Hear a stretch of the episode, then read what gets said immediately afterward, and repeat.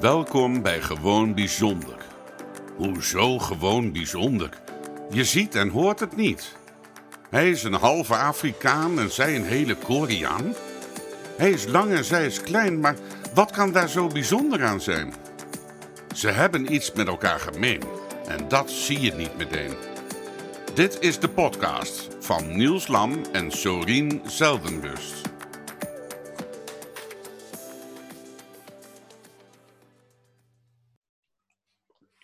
Nou Niels, hier zitten we weer. Ja, en het wordt, eh, ik hoop niet dat het een gewoonte gaat worden dat we het eh, op deze manier blijven doen. Nee, mee eens. Na je vakantie. Ja, dan gaan we weer, eh, gaan we elkaar weer live zien. Alhoewel, we hebben elkaar, we hebben elkaar natuurlijk wel live gezien op de relatie. Een partnerdag van het AFC. Klopt inderdaad, klopt. En laten we daar nou eens even wat over gaan vertellen. Vind je dat een goed idee? Ja, we hebben tussendoor nog een hele korte opname gemaakt. Volgens mij van een seconde. Dus misschien kunnen we die Ja. eerst even laten horen. Ja, dat lijkt me een goed idee. Niels, we staan nu in Woudschoten Ja. en we hebben onze partnerdag. Ja, Wat vind je er tot nu toe van? erg interessant. Ja? Ik heb ook best wel veel nieuwe dingen weer gehoord. En ik vind het sowieso heel mooi om dus inderdaad partners van, van, van ons geadopteerden erbij te hebben. Ja, dat vind ik ook wel inderdaad. Ja. Het enige nadeel vind ik dat er ook een paar mensen zijn die er liever niet bij willen hebben. Nee, Maar goed, zoals je partner, dat begrijp ik. Ja. nou ja, we hebben dus eh, een klein voorproefje voor onze nieuwe derde oh ja, aflevering. ja. En we gaan het over relaties Het gaat over hebben. relaties inderdaad. Ja. Ja. Dus dan kunnen we het meenemen. Precies, dus we nemen jullie vandaag een beetje mee en dan eh, horen, vertellen we later hoe of wat. Toppie!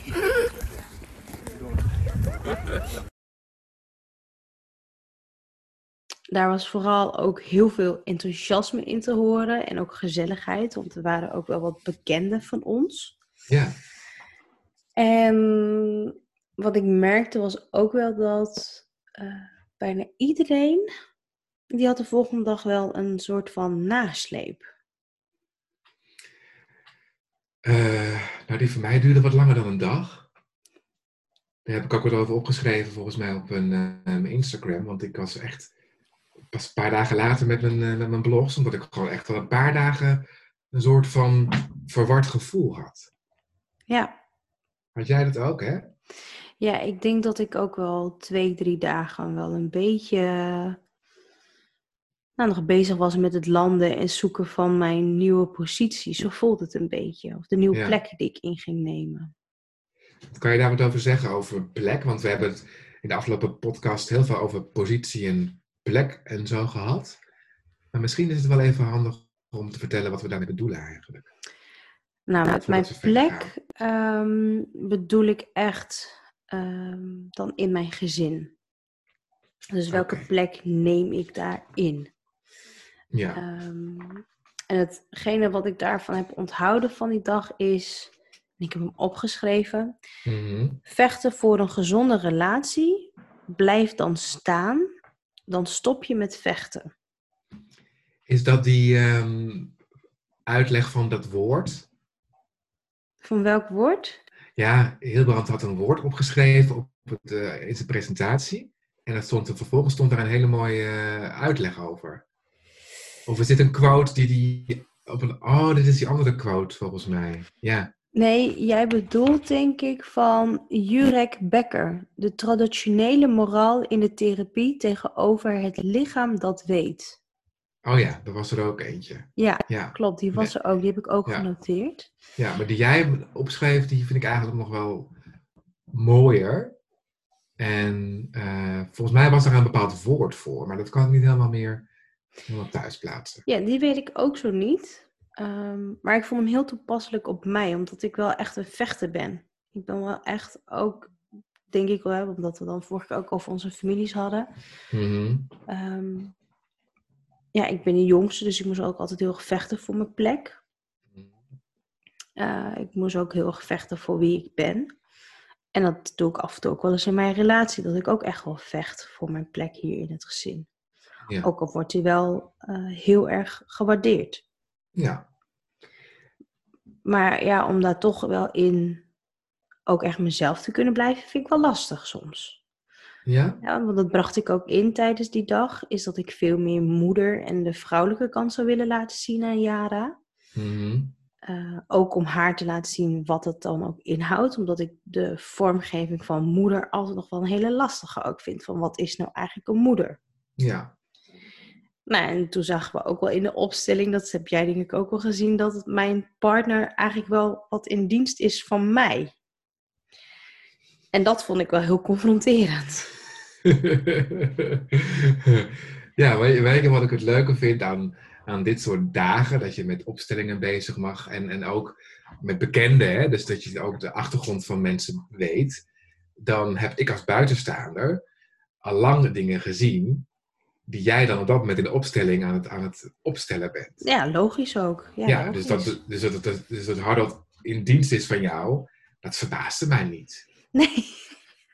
En dat komt niet zozeer omdat ik jou dan als persoon eh, een, een bazig type vind of zo, maar het zit hem ook een beetje, denk ik, in de herkenning die ik zie. Ik heb soms ook het idee dat ehm, mijn man, Cas, ook wel eens in dienst is van mij. En dat, dat uitzicht bij ons bijvoorbeeld heel erg in het feit dat als ik mijn zin niet krijg, of ik heb iets voor ogen om te doen, dan moet bijna alles iedereen ervoor wijken, inclusief mijn, eh, mijn man. En dan moet hij ook zo, eh, eh, hij moet zich dan ook zo gedragen, zoals in mijn plaatje, dat ik, dan heb, heb, hè, dat ik het in mijn hoofd heb zitten zoals het, dat het moet gaan. Ja, En dan Ja. denk ik dat het een beetje oogt als in dienst staan van. Terwijl Cas een ontzettende eigen plek heeft en een ontzettende ja Eh, eigenwijs kan dat- zijn. En, Ja, daarom. Dus, dus misschien zeggen wij ook wel, ehm, ehm, zeg ik wel in dienst van, maar ja. Ja. Maar bij je opstelling vond ik het wel heel mooi om dat terug te zien, inderdaad. Ja. ja. ja, het was ook niet heel ehm, erg. Zo voelde ik Mhm. het niet. Ik vond het gewoon meer confronterend dat het stukje adoptie bij ons dus in het gezin best wel een rol speelt. Wat Ja. natuurlijk aan de ene kant ook logisch is. Mhm. Maar dat hij daarin zo ehm, zich aanpast aan mij. Toen dacht ik van, hé, hey, eigenlijk hetgene wat ik dus altijd jaren heb gedaan, doet hij nu eigenlijk. En dat wil ik niet. En toen we ook in de auto terug zaten, ik heb het niet zo letterlijk tegen hem gezegd. Maar ik heb wel tegen hem gezegd van, ik merk nu wel dat ik je gewoon los kan laten. En dat ik meer vertrouwen in je heb. Van, eh, ja, het is goed. Mhm. En laat mij ook maar mijn ding doen. En ik merkte ook wel heel erg aan hem van dat hij er wel heel graag wil zijn voor mij. Ondanks dat hij dat niet altijd kan. Want soms heb ik meer aan jou of aan een domie of aan een Hilbrand. Mhm. En ik merk dat hij dat soms ook wel lastig vindt. Ja, hij zegt dan net wel heel grappig, ja, daarvoor heb je Niels. Maar ja, stiekem bedoelt hij dat ook. Ja, nu je dit zo zegt, krijgt dat die opmerking van hem, die ik net ook hoorde, een andere lading dan daarvoor. Ja, Ja. Ja, en ik denk, ik hoor jou zeggen, hè, ik heb meer aan jou en, en, en aan Domie en aan Hilbrand. Ik denk dat het allemaal bij, dat het allemaal bij elkaar eh, ook nodig is. ja, Hè? zeker. Als ik bijvoorbeeld kijk naar mijn vrienden die niet geadopteerd zijn, die komen ook met verhalen bij mij, terwijl ze dat ook bij een partner hadden kunnen doen, maar daar kiezen ze niet voor, want ik ben schijnbaar een veilig iemand, ik, ik heb geen oordeel klaar, of ik heb juist een, een, een mening die, die, eh, waar ze wat aan hebben, omdat, het, eh, omdat er ja, een andere band is tussen mij en mijn vrienden dan tussen hun en hun man of vrouw. Ja, En, en ehm, dat is denk ik ook een beetje eh, wat er dan speelt als ik jou hoor zeggen van ik heb soms meer aan jou door Mie en Hilbrand. Ehm, ja, dat, dat, dat, dat, dat, dat, dat is denk ik ook heel logisch. ja, het is denk ik ook vooral het stukje bij mij de ehm, herkenning. Ja. Ja. als ik dan soms even boos ben op Yara of eh, dat ik dan een moederdingetje heb en ik heb het daar met Domie over, dan zegt ze, oh, zegt ze, zo herkenbaar. Ja, En alleen al om dat te horen, denk ik, oh, dat vind ik zo fijn. ja, Ja, of dat jij dan zegt met Cas, dat ik denk van, oh, gelukkig, ik ben niet de enige. ja. Ja, en dat kan ik niet zeggen tegen Harold, dat ik denk van, oh, maar ik ben niet de enige. Dat is wel grappig. Ehm, ik merk ondertussen dat ik mijn mijn intro aan het eh, overslaan ben, want ik wilde eigenlijk even vertellen wat nou die relatie en partnerdag eh, inhoudt. Dat kun je nu nog doen. Ja, ik wilde, ja, nou laat ik even ingaan op watgene wat jij net zei. Dat, ehm, wat jij net zei over, ehm, herkennen bij elkaar. Toen wij eh, tijdens de relatie- en partnerdag gingen lunchen, toen zat ik met Domi en Marco, de man, aanstaande man van Domi, aan tafel. Samen met eh, eh, Stella. En toen ehm, hadden ik en Domi hadden een grapje waar wij allebei om moesten lachen. En de rest, Stella was toen nog niet, maar Marco en Cas konden daar niet om lachen. En toen zei Cas, oh, tegen Marco, heb jij dat nou ook? Dat, dat, vind je dat nou ook dat iedereen, al die geadopteerden bij elkaar altijd grapjes hebben die wij niet begrijpen? Oh, zegt Marco, je wil niet weten hoe vaak dingen niet begrijp die Domi dan zegt. En dat is denk ik wat jij net bedoelt. Dat je, wij kunnen elkaar niet eens, we hoeven elkaar niet eens ehm, iets tegen elkaar te zeggen, maar je weet eigenlijk al meteen waar het over, over kan gaan, waar het over gaat, of aan één woord heb je al genoeg. En dat is overigens iets universeels, vind ik hoor. Dat is ook met, met vrienden onder de, onderling, vrouwen onderling, mannen onderling, bepaalde beroepsgroepen onderling. Die hebben dat denk ik ook wel een beetje, dat, dat, dat is een soort van uh, contact. Ehm, maar ik vond het wel leuk om te horen. Dat, dat, en tegelijkertijd denk ik ook van hoe goed zou het zijn, en daar hebben wij het ook al met twee over gehad, dat onze mannen ehm, ook eens met elkaar gewoon een, een, een, een, biertje gaan drinken en eens gaan babbelen met elkaar over Waar, hun, uh, waar hun mee te maken hebben als het gaat om de relatie die ze met ons als geadopteerden hebben. Ja, nou ik denk dat um, misschien dat niet eens als hoofddoel, maar gewoon al om zo even te kunnen levelen met elkaar. Ja. Dat hun misschien ook wel dingetjes hebben dat wij niet begrijpen, maar dat zij dat dan wel gelijk weten waar het over gaat. Ja. Maar dat vind ik wel een leuke dat je dat zegt, want ehm, ja, er waren heel veel partners waren mm. erbij. Kan je even eens vertellen over wat het nou precies inhield? Die dag? ja, de relatie- en partnerdag. Oh ja, want dat zouden we eigenlijk doen, hè? Ja. Nou, de relatie- en partnerdag, of de partnerrelatiedag, het is net hoe je hem wilde eh, noemen. Die staat in teken ehm, over de liefde en relaties die je aangaat als geadopteerde. Daarbij mag je alleen komen, maar je mag ook samen met je partner dus die dag uh, aanwezig zijn. En dan krijgt, nou ja, ik kreeg ook weer heel veel nieuwe informatie, maar je partner krijgt ook informatie hoe het is voor een geadopteerde om een relatie aan te gaan. Of een verbindenis misschien ook wel. En uh, voor mij was het ook weer heel erg nieuw om erachter te komen hoe eigenlijk vrouwen, ja eigenlijk wist ik het stiekem ook wel, maar hoe vrouwen eigenlijk reageren en hoe mannen reageren. Dus vrouwen zitten gelijk eerst in emotie en een man zit gelijk in het doel, dus daardoor heb je gelijk een botsing en geen goede communicatie. Nou, dat soort dingen vond ik gewoon heel fijn om dat weer even scherp te hebben. Ik vond het ook heel leuk hoe Hilbrand dat, dat had gedaan met de verschillende soorten genres. Musical, um, science fiction, um, roman. Um... Ja, en daarmee bedoel je op het feit dat, dat, je leven, dat je je leven kan zien als een story. Ja, Klopt. En dat je uh, vervolgens gaan, gaat kijken van hoe jouw leven tot nu toe is gelopen. Dat koppel je aan een, aan een filmsgenre. En je partner gaat dat ook doen. En dan kunnen jullie met elkaar hè, in gesprek over elkaars genres en kijken waar er eventueel een match is en waar eventueel er een ja, mismatch is niet het goede woord, maar waar je uit verbinding bent met elkaar. Precies. Ja, dat vond ik heel mooi. Vond ik heel mooi, ja. Ja, dat vond ik een hele mooie van hem. Ja. En ik vond het ook wel heel leuk dat hij Peter Pan erbij pakte met uh, Tinkerbell. Ja, ideale vrouw, hè? Uh, ja, toen dacht ik echt van, oh Harold, dit ben jij. dit Harold is, is Tinkerbell. nee. Oh. nee, Harold die is wel een beetje een uh, Peter Pan geweest toen ik hem okay. leerde kennen. Heel erg um, hmm. niet willen opgroeien, niet volwassen willen worden.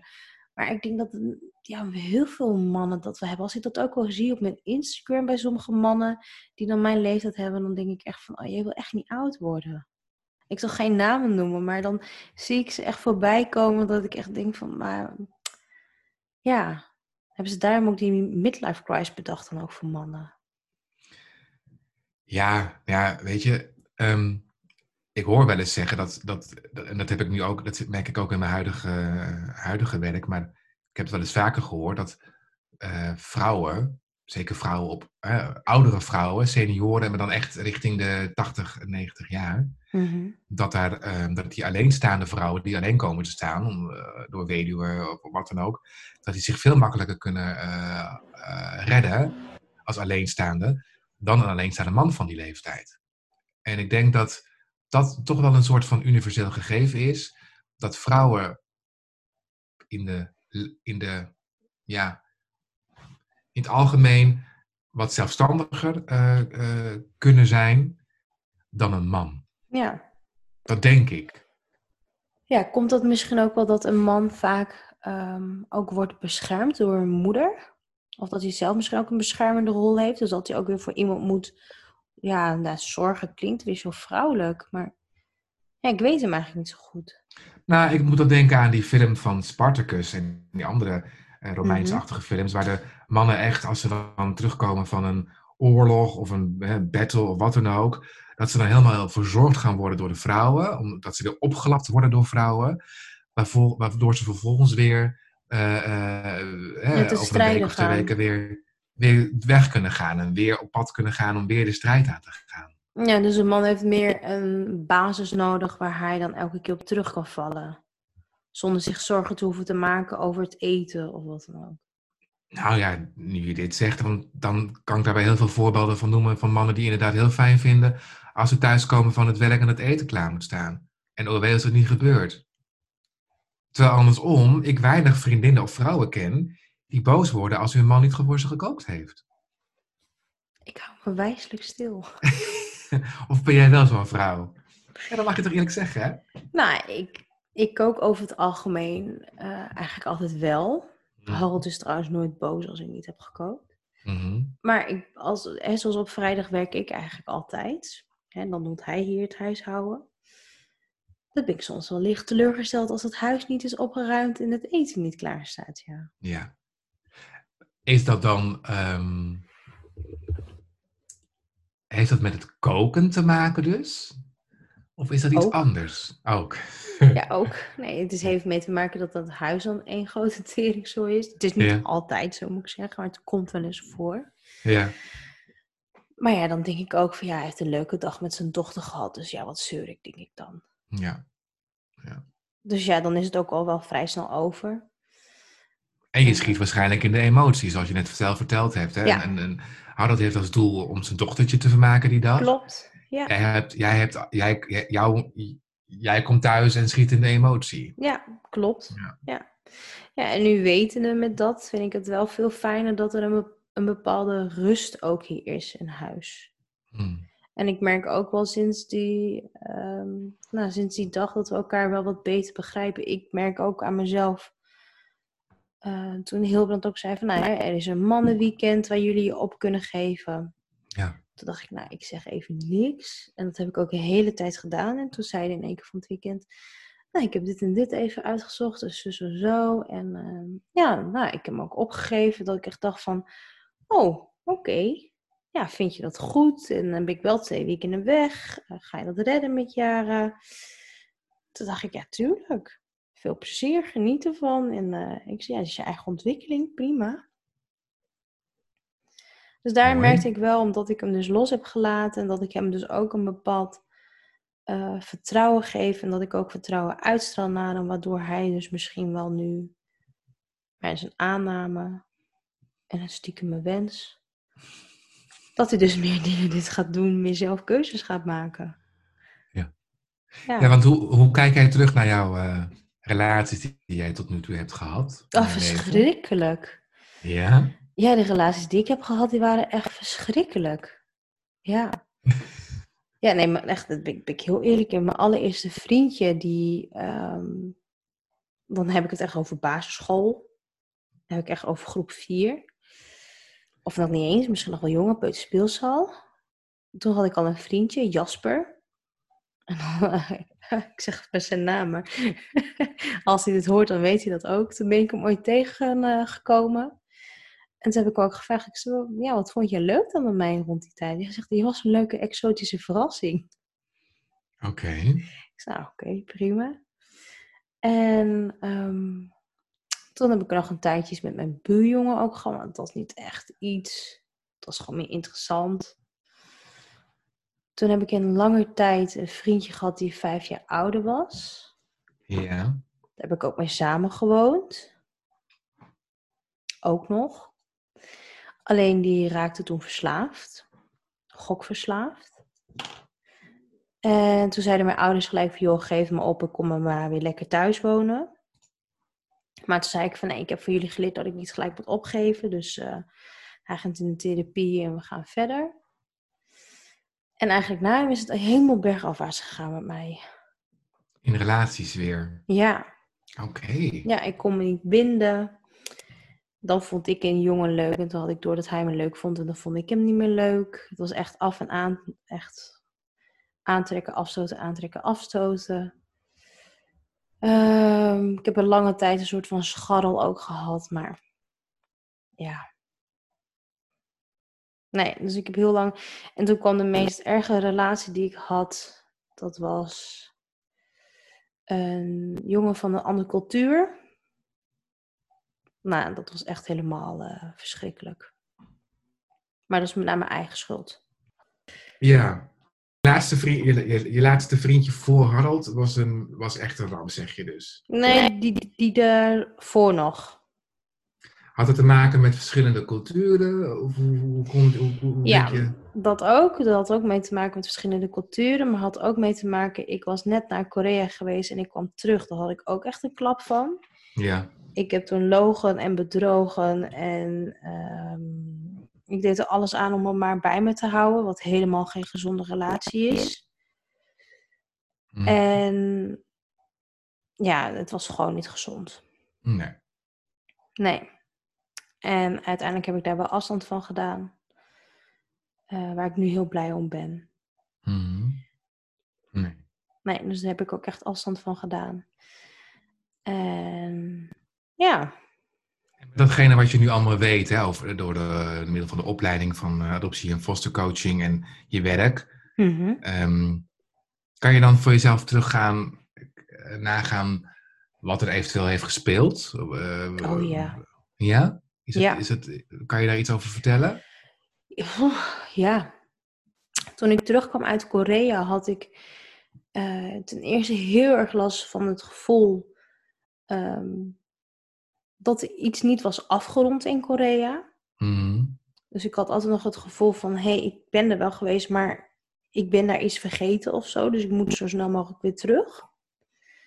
En het stukje van rouwen en dat niemand mij begrijpt. Dat zat er ook heel erg in. Dat ik toen geen hulp heb gehad en dat met name ook uit mijn studie en ook mijn familie zei: joh, we gaan door, je bent gewoon in Nederland, het gaat hier weer goed. En eh, hup, hup, ga gewoon weer normaal verder. Er was, geen, er was geen ruimte voor mijn werkelijke gevoel.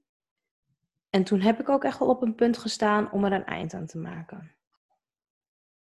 Maar dat heb ik uiteindelijk niet gedaan. En dat was ook meer een schreeuw om hulp. Maar toen ben ik wel weer opnieuw in therapie gegaan ook. Maar toen ken ik nog geen adoptiecoach. Want als ik dat toen had geweten, met wat ik nu weet, had ik veel eerder gewoon nou ja, mezelf terug kunnen vinden. Ja, ik vind dat je daar wel iets heel, heel treffends zegt. Ik, ik, ehm, wat ik bijvoorbeeld bij mezelf inderdaad merk van hè, dingen, als ik dingen eerder had geweten. Ik had bijvoorbeeld heel fijn gevonden als ik ouders had gehad die ehm, mij op vrij jonge leeftijd al eh, uitgingen hadden gelegd wat überhaupt emoties zijn. Of überhaupt gevoelens zijn. Ja, Of, of dat bijvoorbeeld hè, eh, eh, papa en mama iets beslissen voor mij en voor het gezin, waar ik het dan inderdaad niet mee eens mag zijn, dat het oké is, maar dat het wel even zo is zoals het is. ja, Ja, de, ik bedoel, ik weet nu heus wel, en toen ook al wel, maar nu nog meer, dat als kind zijnde, heb je eigenlijk gewoon natuurlijk altijd te luisteren naar wat de ouders voor jou beslissen. Maar ik heb echt wel momenten gekend, zeker de, op de lagere school bijvoorbeeld. Dat was voor mij echt een, een, een fase in mijn leven dat ik heel erg graag in de belangstelling stond. En dat ik, eh dat uitte zich bijvoorbeeld in, eh, het doen van playback shows. Vroeger, was, eh, vroeger had je nog heel veel uh, playback shows en, en, en dergelijke. Dat is nu allemaal live zingen, maar tegenwoordig, vroeger was het allemaal imitatie. De dansprogramma's waren er vroeger al waar ik aan meedeed. En ehm, ik won alleen maar, tot ik op een gegeven moment op een punt belandde waarbij ik voor het eerst ook ging verliezen. En dat vond ik zoiets niet oké. Hoezo, gaat, hoezo verlies ik? Hoezo is iemand beter dan dat ik ben?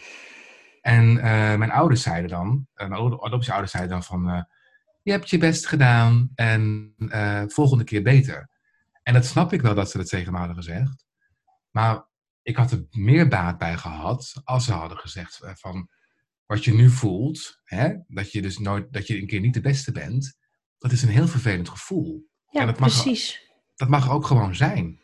Ja. En, en, en, en uh, laat dan maar even lekker een dagje lekker balen. Of, of, of, of wees maar eens een keertje verdrietig. Uh, wees boos. Uh, en, en ga, maar ga dan met mij over in gesprek. En, en, en, en ja, er is te weinig gesproken met elkaar. Ja. ja. Ja, klopt. En dat herken ik ook. En ik, ja, ik kom heel erg uit de familie van, nou ja, Night maar doorbroezen. Volgens mij heb ik het al eerder gezegd. Hmm. En wat jij ook zegt, van ja, er, is gewoon niet gesproken over je gevoel van het mag er zijn. En dan werd het wel even gezegd nou, het is goed, maar we moeten weer verder. Dus er was niet echt de ruimte om nou ja, volledig dat ja, te kunnen geven.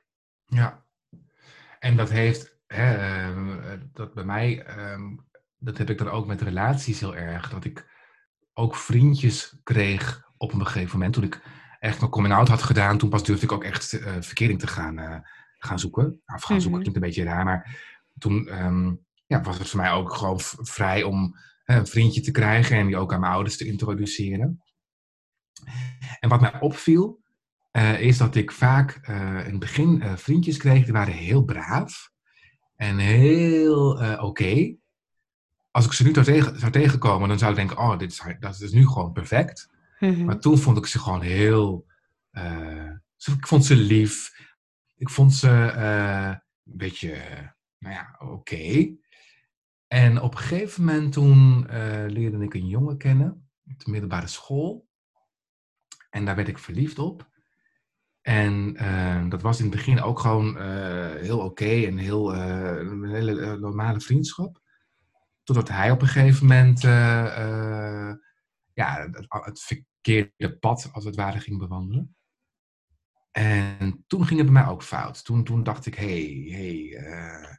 En toen is bij mij iets geraakt. Ik weet niet wat het was, maar ik, ik um, heb er ook allerlei dingen gedaan. Ik denk van, nou Niels, waarom eigenlijk? En achteraf weet ik wel waarom. Ik wilde natuurlijk nog steeds bij hem uh, uh, goed overkomen. Dus dan maar aanpassen aan zijn manier van leven op die manier hopen dat hij misschien verkering met me zou krijgen, willen hebben.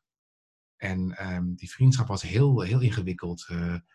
Um, hij heeft signalen afgegeven dat hij toch ook wel geïnteresseerd was in mij, terwijl hij daarvoor altijd een vriendinnetje had. En daar ging ik natuurlijk weer op in. Ik dacht, oh zie je, hij is toch ook uh, van de mannen en zo. En nou ja, dat werd van kwaad tot erger. En uh, toen kreeg ik op een gegeven moment een relatie met mijn huidige partner, met Cas. Die relatie heeft mij op een gegeven moment doen inzien dat die vriendschap slash relatie die ik met die vriend had, heel ongezond was. Ja.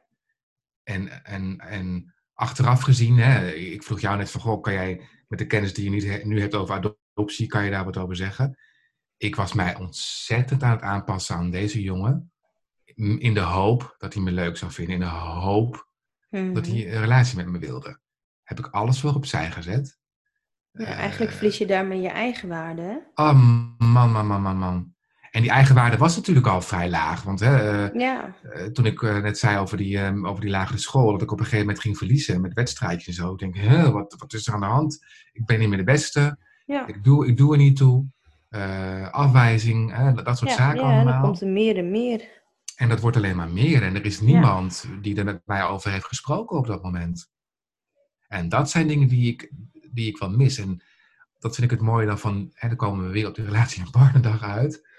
Dat als een partner met je meegaat naar zo'n dag en dan ook dingen hoort en ziet, laat een meer begrip kan komen, maar ook meer ehm, van elkaar hè, begrip komt op dat moment. Want ik heb ook dingen geleerd hè, als het gaat om waar partners mee te maken hebben. eh, Als zij met een geadopteerde Ja. of een, Klopt. iemand in de pleegzorg eh, een relatie krijgen. Maar dat er gewoon meer over onze gevoelens wordt gesproken nu in, in, eh, in als we thuis zijn. En het is een heel van de hak op de tak verhaal, maar... Ja, ehm, maar ik snap het wel.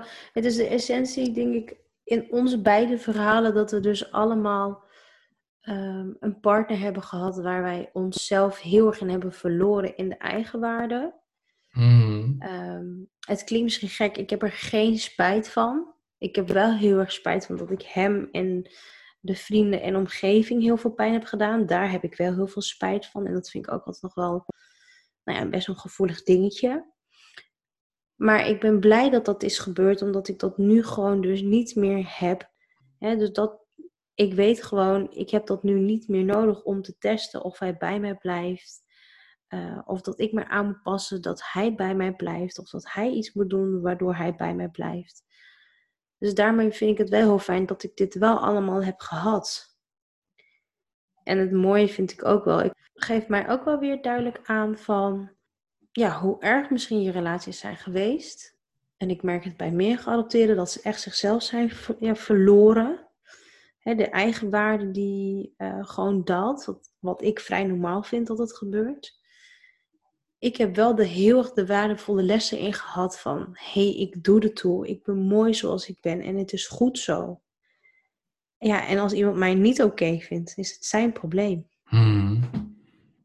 En ik hoorde je nog iets anders zeggen over ehm, dat jij ehm, geen spijt hebt van de relaties. Wel spijt dat je, je een van je vriendjes het allerlei leed hebt aangedaan. Ja, En daaruit haal ik op dat, en dat herken ik ook wel bij mezelf, maar ook bij een aantal andere geadopteerden die ik heb gesproken, is dat wij soms heel erg bewust proberen dat als we een relatie hebben, dan lijkt het soms wel alsof we er alles aan willen doen om de relatie weer kapot te krijgen. ja, Ja, en als het dan bijna kapot gaat, dan, dan draaien we ineens wel als een blad aan de boom om. ja. ja nou dat is aantrekken, afstoten, hè? Ja, jongen, jongen, jongen. Ja, dat is puur om te kijken hoe ver kan ik gaan in een relatie en hoe Ja. ver blijft hij dan staan.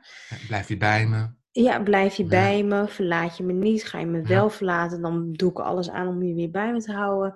Ja, Ja, en dat heb ik eigenlijk nu niet meer bij Harold. nee. Ik heb natuurlijk soms wel af en toe eens een ruzie en denk ik van, oeh, misschien moet ik maar heel snel mijn koffers pakken, want dan gaat hij er niet vandoor. Maar we hebben elkaar nu al beloofd dat we altijd bij elkaar blijven en dat we oud worden. En nou ja, dat iemand dat zegt tegen mij is voor mij al voldoende. En we hebben een kind, dat vind ik ook wel een hele grote verbindenis. Want ik kom nooit meer van hem af. Nee, maar goed, je kan er wel voor kiezen om los van elkaar natuurlijk het kind om, om jaren op te blijven voeden, terwijl jullie niet bij elkaar zijn, snap je? Dus, ehm, ik ben toevallig nu met een blog bezig over, eh over vreemdgaan. En daarin eh, eh, wordt er, beschrijf ik ook van, goh, hè, eh, mij overkomt het niet. Hè, eh, of als, ik, als mijn partner me bedriegt, dan ga ik meteen bij hem weg. Mhm. Ja, ik weet gewoon, eh, los van mijn eigen ervaring, maar ook van andere mensen, dat het makkelijker gezegd is dan gedaan. Ja, zeker. En ik weet ook dat, je, dat er mensen zijn die bijvoorbeeld voor- om een kind bij elkaar blijven, maar dat dat, dat ook helemaal niet gezond is voor dat kind. Want het kind Nee. heus wel aanvoelt dat papa en mama eh, dat het niet klopt. Dus, klopt. dus daarom ja. zei ik net van, goh, eh, eh, mooi, maar ehm, stel dat er wel iets zou gebeuren, hè, dat, dat, dat, dat, dat kan, hè, dat je toch denkt van, nou, dit is, te, dit is grensoverschrijdend gedrag, ik wil bij hem weg, of andersom, hij wil bij jou weg. Ja, dan moet je bij elkaar blijven, denk ik, vanwege het feit dat jullie jaren hebben. Ja, nee, nee, nee. nee dat, Dat bedoel ik eigenlijk, Niet. eh. Nee, nee, nee, nee. Nee, ik heb altijd tegen mezelf gezegd, en eh, dat heb ik mezelf ook beloofd, ehm, mijn eigen geluk staat voorop. Ja, Ongeacht eh, hoe erg de situatie ook is, hoe slecht het ook met hem kan gaan of met haar. Als ik gelukkig ben, dan pas kan ik er ook zijn voor de ander. ja, En ja, misschien klinkt dat heel egoïstisch voor sommigen. Maar als ik dat niet ben, dan kan ik ook niet voor een ander zorgen, omdat ik dan te veel met mezelf bezig ben.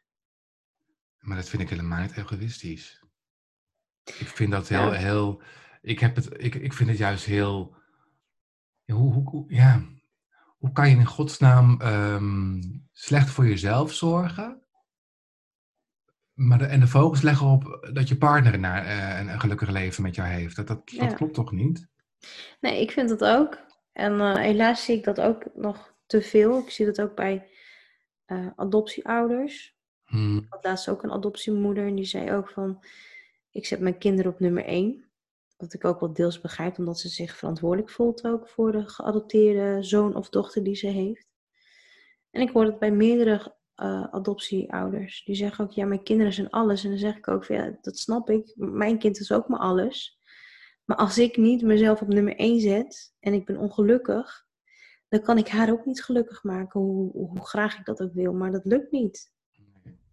Dat, is- dat is toch hetzelfde als dat in een vliegtuig zeggen van ja, als, je de, als er eh, iets Ja, gebeurt in het vliegtuig, first. Ja, eerst je eigen mondkapje bij jezelf of je zuurstofkapje bij jezelf, dan, dan je kind of de, de, de, die naast je. En zo is het ook. ja, Als je niet gelukkig bent, als je niet zelf lekker in je vel zit, dan kan je het niet zijn voor je partner, dan kan je het niet zijn voor je kinderen of andere Ja. dierbaren. ja. Ja, wat ik nog het mooie vond, wat ik nog wel wilde zeggen over relaties, is dat ik het van jou zo mooi vind om te horen en ook krachtig vind om te horen dat je jezelf op de eerste plaats hebt gezet. Dat je je geluk, hè, nummer- jouw eigen geluk op nummer één eh, plaatst.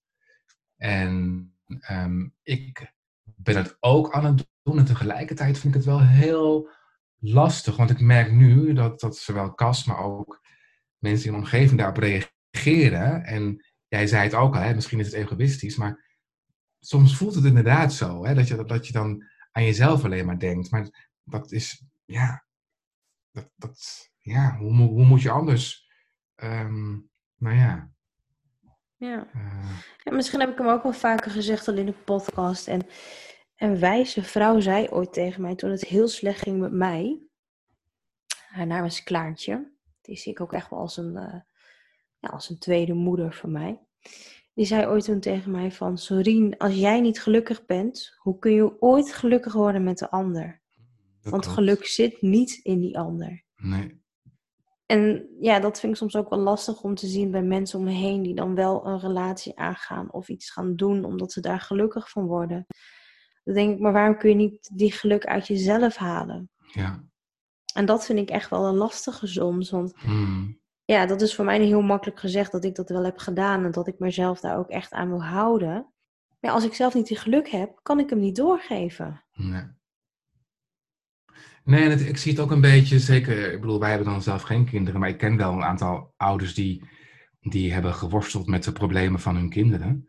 Dat ze ehm, ehm, op een gegeven moment op het punt stonden om, de, om die kinderen dan ehm, eh, het huis uit te zetten, omdat ze er helemaal gek van werden. Maar dat dan in het begin een paar keer niet deden. En, en maar later wel, eh, bij stap 4 of 5, poging 4 of 5, het uiteindelijk wel hadden gedaan. En zelf helemaal opfleurden en helemaal eh, weer lekker in hun vel kwamen te zitten. En ehm, dat ik ook wel eens zei van, god, maar daar gaat het toch ook om? Ja, precies. Ik snap die strijd wel dat je je kind niet wil laten vallen, maar uiteindelijk moet hij of zij het zelf oppakken. Nou, en heb jij daar er als ouders alles aan gedaan? En nu heb je voor jezelf te zorgen. En als hij slim of wijs genoeg is of zij, dan en het kwartje is gevallen en de bodem van de put is bereikt, dan krabbelen ze vanzelf wel weer op. Ja, en dat is ook denk ik het meest moeilijke van eh, ouderschap. Is dat je je kind voor alles wil behoeden en wil bewaken. Ja, Wat ik heel goed begrijp nu als moeder zijnde. Maar ik weet ook, ja, je kind heeft fouten nodig om daarvan te leren. Krijgen ze die fouten niet en laat je dat niet toe, dan komt het pas later en dat wil je ook niet. ja, Dus maak Ja. het nu maar, zeg ik altijd tegen Harold ook. Maak ze nu maar in een veilige basis, want die heb Ja. je en die verjaren hoop ik ook. Hmm. Laat haar nu maar gaan eh, stoeien. Laat hem maar Ja. gewoon gaan. En wij kunnen dit. ja. Ja. En dat is ook Ja. in zo in, eh, in mijn relatie. Harold mag ook van alles doen en laten wat hij wil. En hij mag ook uittesten hoe ver eh, mijn grens ligt. En ik heb dat ook bij hem. Ik heb dat soms ook nodig om even weer te weten van... hé, hey, tot hier en niet verder. Want wij groeien ook en wij veranderen ook. Ja. Nou, ik moet zeggen dat ik daar wel wat van geleerd heb na die, die partnerdag. Dat, dat ehm, hè, die manier van communicatie, hè, dat mannen meer de eerste instantie hun doel eh, hebben en dan eh, pas eh, nummer drie de emotie volgens mij, als ik het goed zeg. Ja. En ik was wel heel nieuwsgierig en dat vond ik een beetje minder naar voren komen die dag, is hoe het dan zit bij een relatie tussen twee mannen en een relatie tussen twee vrouwen. Ehm, Want, Ja, maar zei Hilbrand toch ook dat de ene man meer eh, vrouwelijke... feminine is en Ja. de andere man meer masculine. Dat is ook wel zo. Ik had alleen wat meer voorbeelden verwacht. Gewoon echt wat, wat meer, toch wel daar... eh, Wat zei ik je? Wat ben je een vrouw? Nou, ik ben kennelijk, daar, ik herken me namelijk ook helemaal niet in die communicatiestructuur. Ik ga namelijk helemaal niet voor het doel. Ik ga, Nee. voor, de, ik ga voor de emotie. Ja, maar Cas gaat wel heel erg voor het doel. Ja, Ja. maar mensen die mij kennen, die, die, die, die zouden ook zeggen, nee, Niels gaat echt niet voor de... Ik heb wel een doel voor ogen. Eh, ja, maar je laat eerst je emoties zien. maar ik laat eerst mijn emoties zien. Klopt. En dan pas komt het doel. En de structuur die, die, die er ook nog in het rijtje staat, die is bij mij altijd heel ver te zoeken. Dat, eh, die, eh, die komt pas weer aanfladderen als, eh, als de chaos weer is verdwenen. Maar eh, ja, dus, dus daarin, toen we, nu we dit weten allebei, eh, ehm, ja, ik hoorde jou ook al net, ik hoorde het ook al in deze podcast zeggen, is er rust gekomen. Dat hebben wij ook wel. We hebben ook vandaag eh, onze eerste gespreksagenda gemaakt. Oh ja, ben je al Dus, bezig geweest met de post-itjes en heb je een agenda aangeschaft? De agenda hebben we, heb ik in Word uitgetypt. Oh, wat Eh, goed. Maar ik wil eigenlijk een apart boekje gaan aanschaffen waarin dat soort dingen worden opgeschreven. Zodat we daar eh, ook later in terug kunnen kijken. Dus eh, dat ga ik trouwens Oh, morgen wat mooi. Ja, Ja. maar de post-itjes heb je dus nog niet. eh. Nee, nee, dat, ehm, eh, ik heb geen post-its nodig. Eh, Nee, maar misschien Cas wel. Die heeft ze zeker nodig. maar Kastje komt nu elke keer met het tempo timing trust verhaal, hè?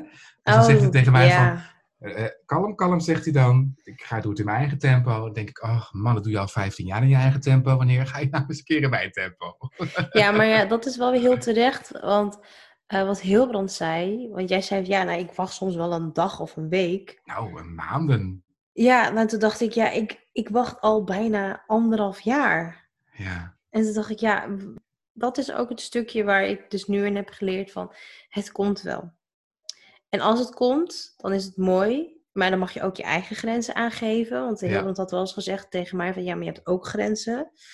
En toen dacht ik van, nou, dan mag ik die dan nu ook aangeven. Maar toen dacht ik, nee, als het komt, dan is het niet zo van, nou, nu is het er en nu gaan we het doen zo op mijn manier. Nee, als het dan wordt aangeboden, mag ik dus zeggen van, oké, maar ik heb ook mijn grenzen. En ik heb ook mijn eh, stukje. Ja. En als je wil dat ik meega, dan is het nu aan mij om die tempo te gaan bepalen. ja, En dat vond ik wel een hele mooie. ja. Ja. Ja, en ik denk ook wel dat als je niet zo op de, het tempo zit te jagen van je partner, dus dat je dat loslaat, dat, er, dat hij of zij eerder komt. Ja, klopt. Dan, want dan, dan, dan, dan is het een hele andere energie. En dan, dan, komt dat, dan komt datgene wat je eigenlijk wil, hè, dat je partner iets eerder doet, dat komt dan ook eerder. Ja. Omdat er ruimte is. Ja, maar ook omdat hij dus het vertrouwen dan voelt van Ja. ons. Ja. Ja. Klopt, klopt. ja, dus om even zo samen te vatten, want volgens mij praten we nu al bijna. Oh man. Ja, we kunnen Ja, we uren gaan over het- doorpraten. Maar als ik hem zo samenvat, gaat het heel erg om vertrouwen. Om dat te geven aan elkaar. Het gaat dus ook om vertragen, hoor ik ook Ja. ons zeggen. Wat natuurlijk Ja. ook wel lastig is. En om het stukje wat ik ook bij jou dus terug hoorde en nu ook bij mezelf weer, het stukje eigenwaarde. Ik denk dat je dat zo heel mooi hebt samengevat. Dank je. Ja. En ik kijk nu al uit naar een volgende podca- podcast over eh, dit thema. Liefdes en relaties. Ja, dat is, eh, Nou, dan kunnen we misschien de volgende keer wel over de families hebben. Hoe je relatie daarmee is met je broer. Daar hebben we een beetje over gehad. hmm. ja, dat kunnen we misschien wel aan de hand van een, eh, van een model bespreken. Hm, welk model heb je in gedachten? Nou, ik zit te denken aan binding, ordening en balans bijvoorbeeld. Oké. Ehm, Bob. De Bob. En wellicht is het sowieso wel een keer leuk om, om een podcast te mij hebben eh, te Een functie dan ook? Ja, die doen we er ook bij. Dat we daar eens even wat over gaan uitleggen. Maar dan hoor je eigenlijk eerst de A3 meer uit gaan leggen. Dat kunnen we ook gaan doen. Ja, en daar zouden we Suzanne voor vragen. Suzanne Stam. Ja. Ja. Oh, we hebben nog... Oh, ons ra mijn radertje gaat alweer aanstaan, merk ik. ja, mij ook weer. Ja, ja. Nee, maar... nee, we eh, gaan eerst eh, jouw vakantie, eh, ehm, dan gaan we weer samen eh, zitten. Ja. Als mensen dit luisteren, dan eh, heb jij misschien je vakantie al gehad. Ik denk het het wel. gewoon uit, we weten het niet. Maar ik wil je nog even één dingetje voorleggen. In het kader van relaties misschien. Vond ik dit wel een hele mooie. Als je bang bent voor het onbekende, leer het dan kennen. Ja, hè? Kunnen we ook nog een uur over praten. Ja. We laten het, eh, we laten het hierbij. Ja, dankjewel Niels weer. Jij dank je wel. En eh, tot de volgende, hè? Ja, tot de volgende.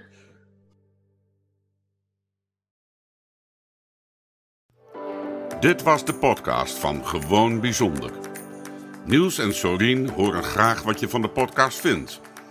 Wil je een review achterlaten of wil je iets delen? Je kan ze vinden op Instagram, Facebook en hun eigen website gewoonbijzonder.nl. En als je daar dan toch een kijkje neemt, volg, like en deel deze podcast. Dankjewel.